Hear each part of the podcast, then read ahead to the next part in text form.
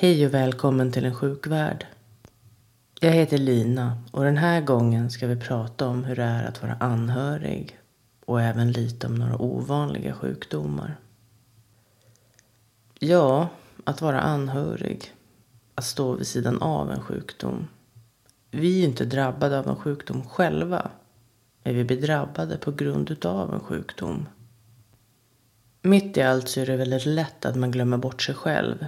Speciellt när man har en familj. Det är så mycket som rör hela livet att man glömmer bort en annan sak som är viktig. Oss själva. Så ja, det är lätt hänt. Och man måste tänka efter både en och två gånger för att det inte ska hända. Vi glömmer bort att vi faktiskt är viktiga vi också när man fokuserar på ens partner som är sjuk och på barnen. Och sen så står man där med skägget i brevlådan och mår skit själv för att man har stressat för mycket och struntat i sin egen kroppssignaler. Och det är även lätt att man trycker undan sitt eget mående om man har huvudvärk eller något annat. Och så får man dåligt samvete för att man själv mår dåligt. Det är ju inte på mig fokuset ska ligga. Och så får vi ju inte tänka. Bara för att man lever med någon som har en sjukdom och är sjuk så betyder ju inte det att det tar bort våran rätt att må dåligt och vara sjuka själva. Men vi glömmer bort det så lätt.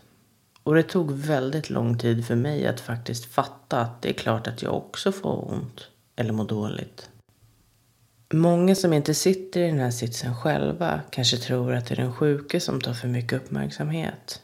Men det är oftast vi själva som sätter stopp för att känna efter. Rickard är den som hela tiden tjatar på mig att jag ska ta det lugnt och sakta ner. Att jag gör för mycket och att jag måste tänka på mig själv. Och som sagt, det tog tid. Jag kan fortfarande glömma bort mig själv med allt annat som sker. Och det är inte så ofta som man hör folk prata om det här heller. Men jag tycker att det är viktigt. Även om fokuset ligger på den som är sjuk så måste vi komma ihåg att ta hand om oss själva också. För hur ska man annars orka? Nyckeln till att det funkar så bra för oss här hemma det är för att vi pratar. Och har jag en riktigt risig dag så talar jag om det. Och Rickard detsamma om han mår sämre än vanligt. Att kunna kommunicera och låta varandra ha sina dåliga dagar, det tar bort mycket press och stress.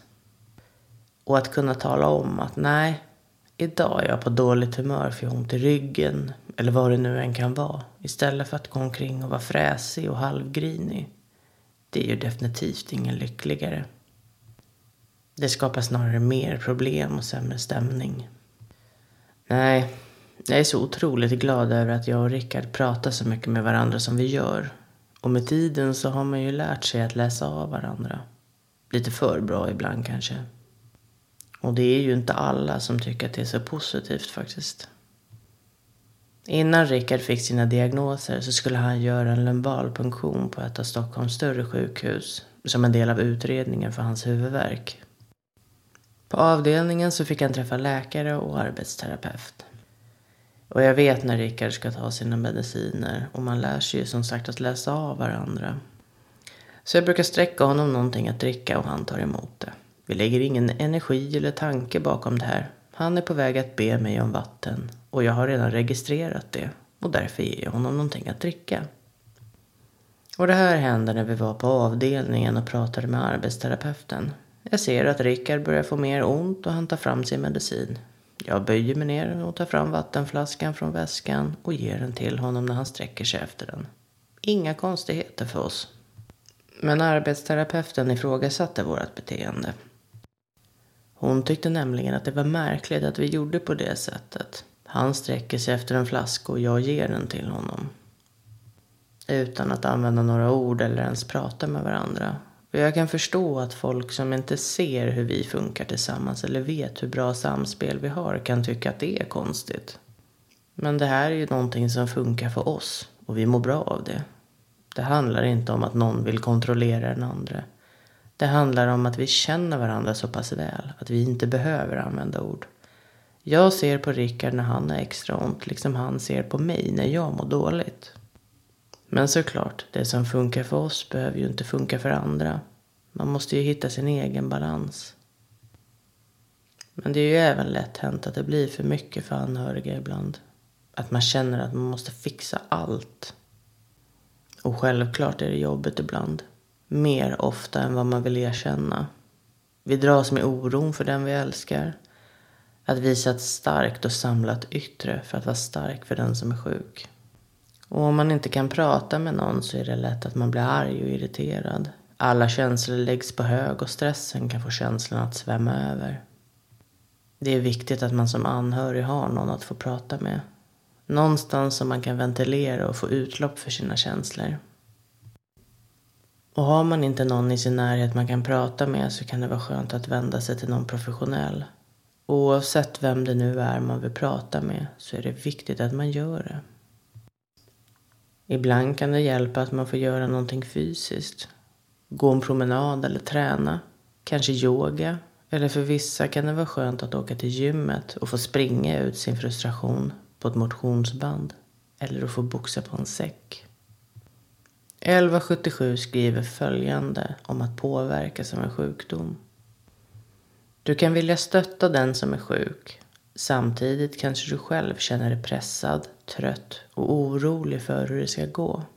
Du kan också känna dig maktlös för att du inte kan påverka situationen med sjukdomen.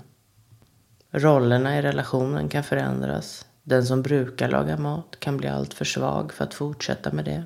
Och den som brukar vara drivande kan sluta ta en initiativ, bekräfta och uppmuntra. Det kan kännas osäkert och förvirrande. Behandlingar och undersökningar kan vara ansträngande även för dig som är närstående.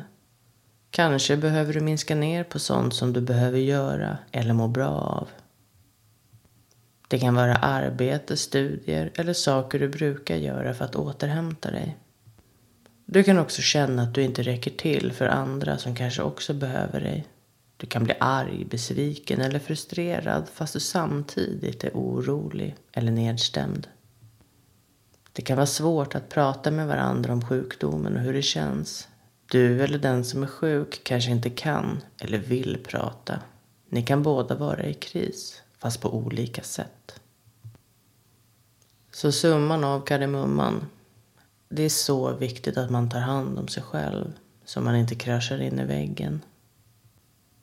Nej, att vara anhörig är inte enkelt det heller. Oavsett vilken sjukdom det nu handlar om. Oavsett om den är livslång eller dödlig. Livet är inte enkelt. Så vi tar oss vidare den här gången och så pratar vi lite om några mer ovanliga sjukdomar. Det finns mellan 6 till 8 000 olika sällsynta diagnoser och många av dem beror på förändringar i de gener man har. Sällsynta sjukdomar och tillstånd är oftast kroniska och finns kvar i hela livet. Och en del av dem finns redan från födseln och andra utvecklas senare. Nu ska vi prata om FOP, fibrodysplasia ossificans progressiva. Jag håller mig till förkortningen här tänker jag. FOP är en av världens mest sällsynta diagnoser. Och den här sjukdomen omvandlar muskler, senor, ligament och annat sammanbindande vävnad till skelett. Man får minskad rörlighet eftersom det bildas ben över leder och därmed förhindrar rörligheten. När man har FOP så är det inte bara att kroppen producerar för mycket ben utan ett extra skelett som omger kroppen och blir som ett fängelse i ben som låser fast den drabbade. Och redan på BB så kan diagnosen ställas med hjälp av ett DNA-test. Men man kan även se det på stortårna som är korta och snea. Och någon gång under de två första årtiondena i livet startar ett utbrott med svullnader och skelettbildning. Det kan vara helt spontant eller som följd av ett trauma. Majoriteten av de som är drabbade av sjukdomen får veta att de har FOP innan de har fyllt 10 år. Och det här är som sagt en av världens mest sällsynta diagnoser. Och det gör att väldigt få läkare stöter på den under sin läkarutbildning. Det ställs ofta fel diagnos för att symptomen är förvirrande. Man kan få svullnader som oftast misstas för cancer. Och de svullnader kan vara väldigt smärtsamma och ändra form och ibland upplevs det som att svullnaderna vandrar runt. De övergår till broskbildning för att sedan omvandlas till skelett. Det här kallas för den spontana processen och den följer i princip samma process som när ett embryo bildas. Den startar oftast runt huvudet, nacken eller ryggen och fortlöper över höger sida och sen vänster sida. Först axlar, skuldror, bålen och till sist höfter, armar, ben och käke. Men andra faktorer kan orsaka utbrott som har ett helt annat förlopp. Utomstående faktorer. De som är drabbade av FOP upplever olika takt när nytt ben bildas. Hos vissa är den processen väldigt snabb, men hos andra är den mer långsam. Och trots att det finns liknande mönster hos drabbade är det både oförutsägbart och individuellt med den exakta graden av utvecklingen av ben. Och de korta och sneda stortårna fungerar som ett tidigt och viktigt tecken på FOP innan man får symptom som svullnaderna och innan extra ben börjar utvecklas. Tårna orsakar sällan några problem och det kan även förekomma att tummarna är korta och helt raka eller stela i den yttre leden. Och en annan sak är att många barn med FOP hasar fram på rumpan istället för att krypa och för att sen ställa sig upp och gå direkt. Anledningen till det här är en stelhet i nacken. Och orsaken till stelheten är att facettlederna i nacken, det är de lederna som sitter emellan kotorna i ryggraden. Dessa leder har inte bildats korrekt eller så har de slagits samman. Vissa kan även känna en extra benbit nedanför knäna. Så FOP är en genetisk diagnos och i de flesta fall en ny mutation. Och det drabbar en på en miljon. Och det är ingen geografisk betydelse vart man bor utan det kan drabba alla etniska tillhörigheter. Och det finns drygt 900 bekräftade fall i hela världen med den här sjukdomen. Och svullnaderna som flyttar på sig kallas för flare-ups eller skov och de uppstår spontant eller som följd av ett kroppsligt trauma som slag eller fall men även vid virussjukdomar. Så skulle man opereras så förvärras tillståndet och tyvärr så finns det ingen effektiv behandling eller bot. Men idag pågår flera kliniska studier och det forskas runt om i hela världen. Och den sista sjukdomen den här gången är cystisk fibros. Det är en ärftlig sjukdom och här fungerar inte de slemproducerande körtlarna i kroppen normalt.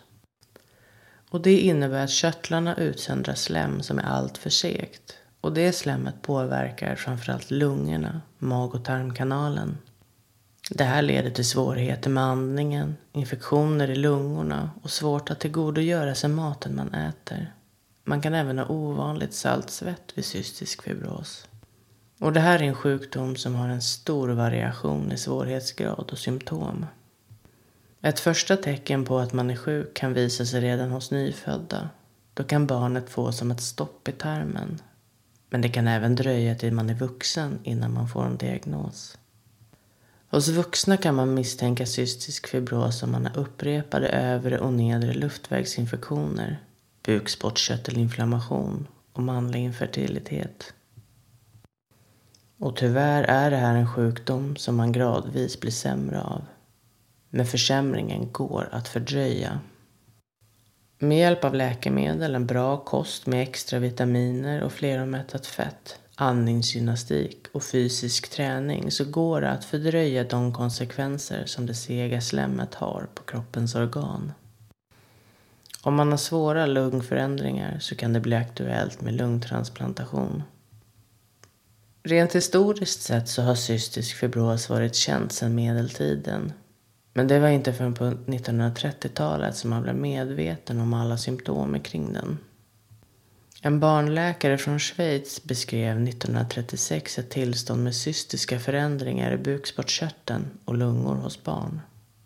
Och två år senare så beskriver en amerikansk barnläkare sambandet mellan bukspottkörtelns funktion och symptomen från lungorna och mag och tarmkanalen. Så hur många är det som är drabbade av den här sjukdomen? Och vad är det som orsakar den? Och det föds cirka 15 till 20 barn varje år som har cystisk fibros. Och man känner till ungefär 700 personer som lever med sjukdomen i Sverige. Och vad är då orsaken till att man får den här sjukdomen? Förändringar i genen CFTR på kromosom 7 är orsaken till cystisk fibros. Och Nu blir det en liten djupare dykning i snabbis. Men jag liksom många andra där ute tycker om att få en djupare förståelse för varför saker blir som det blir. CFTR är då alltså en mall för tillverkningen av ett stort protein kallat CFTR. Socialstyrelsen.se skriver följande. Det proteinet fungerar som en klorid och bikarbonatkanal och har betydelse för salt och vattentransporten över cellmembranet. Det sitter i cellmembranet i de celler som bekläder olika körtelgångar i kroppen samt körtlar belägna omedelbart under slemhinnan. Proteinet CFTR reglerar också andra jonkanaler i cellen den minskade klorid och bikarbonatutsöndringen och det ökade återupptaget av natrium och vatten i cellerna vid cystisk fibros leder till att ett förändrat sekt och intorkat sekret bildas i luftvägarna och i kroppens gångsystem. Och som sagt så är cystisk fibros en ärftlig sjukdom. Ungefär en av 35 bär på anlaget i Sverige och sjukdomen är autosomalt recessivt ärftlig. Och vad innebär det då? Recessiv nerärvning betyder då att man blir sjuk bara om man får sjukdomsgenen av båda föräldrarna. Båda föräldrarna har sjukdomsgenen men är själva friska för att den andra genen i genparet fungerar normalt. Så om båda föräldrarna är bärare på anlaget kan det gå åt olika håll beroende på vilka gener som drabbas samman vid en befruktning. Antingen så kan de sjuka anlagen från mammans och pappans sida drabba samman. När det händer så blir barnet sjukt. Eller så kan ett sjukt anlag förena sig med ett friskt anlag. I de fallen så blir barnet friskt, men bärare på anlag till sjukdomen. Och sen så kan friska anlag från båda föräldrarna förena sig. Och då blir barnet friskt och inte heller har några anlag för sjukdomen. Så hur behandlar man cystisk fibros och vad är symptomen? Och de vanligaste symptomen är dålig viktuppgång, hosta och diarré. Ofta så får man besvär med hosta på natten och morgonen när slem har hunnit samlas. Det är det vanligaste symptomet. Och det är även ett tecken på inflammation och slembildning i luftrören. Även besvär som liknar astma kan förekomma. Man kan även ha besvär med kronisk bihåleinflammation också. Och symptom på en rubbad matsmältning är diarré. Det är också ett vanligt symptom och det är bristen på bukspottkörtelenzymer som ger den försämrade matsmältningen. Och eftersom maten inte kan tas upp av kroppen som den ska så kan det leda till undernäring och brist på fettlösliga vitaminer som vitamin A, D, E och K. Och behandling av cystisk fibros ska vara väl genomtänkt. Medicinskt, psykologiskt och socialt. Den medicinska delen av behandlingen så riktar man in sig på att behandla symptomen som kommer främst från lungor och matsmältningsorgan. Så luftrörsvidgande behandling, slemlösande behandling och slemavlägsnande behandling. Men även infektionsbehandling antibiotika när behov uppstår samt vaccinationer för att undvika i den mån som det är möjligt att få luftvägsinfektioner. Därför är det viktigt att vaccinera sig när man har cystisk fibros, speciellt mot sjukdomar som orsakar luftvägsbesvär, som till exempel tuberkulos, kikhosta, mässling och influensa. Och för matsmältningssymptomen så är det enzymer, vitaminer och extra energitillskott i form av en fettrik föda och näringsdrycker.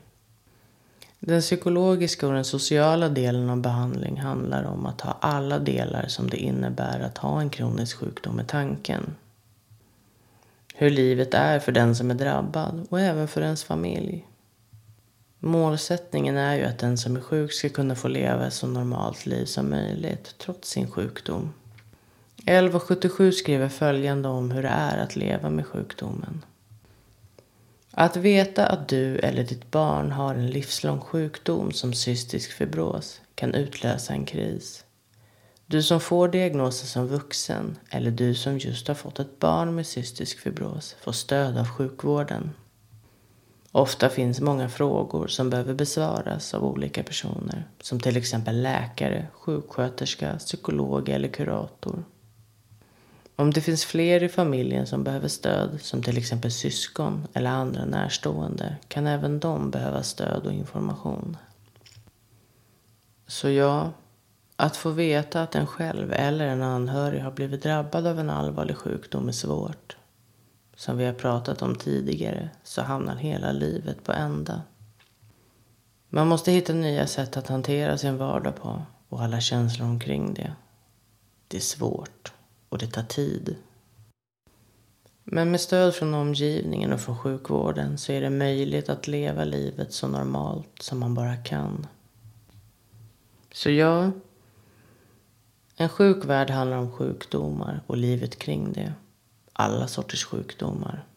En podd för allvar helt enkelt, som är baserad på fakta och logik. Bakterier och cellförändringar är någonting som vi kan se.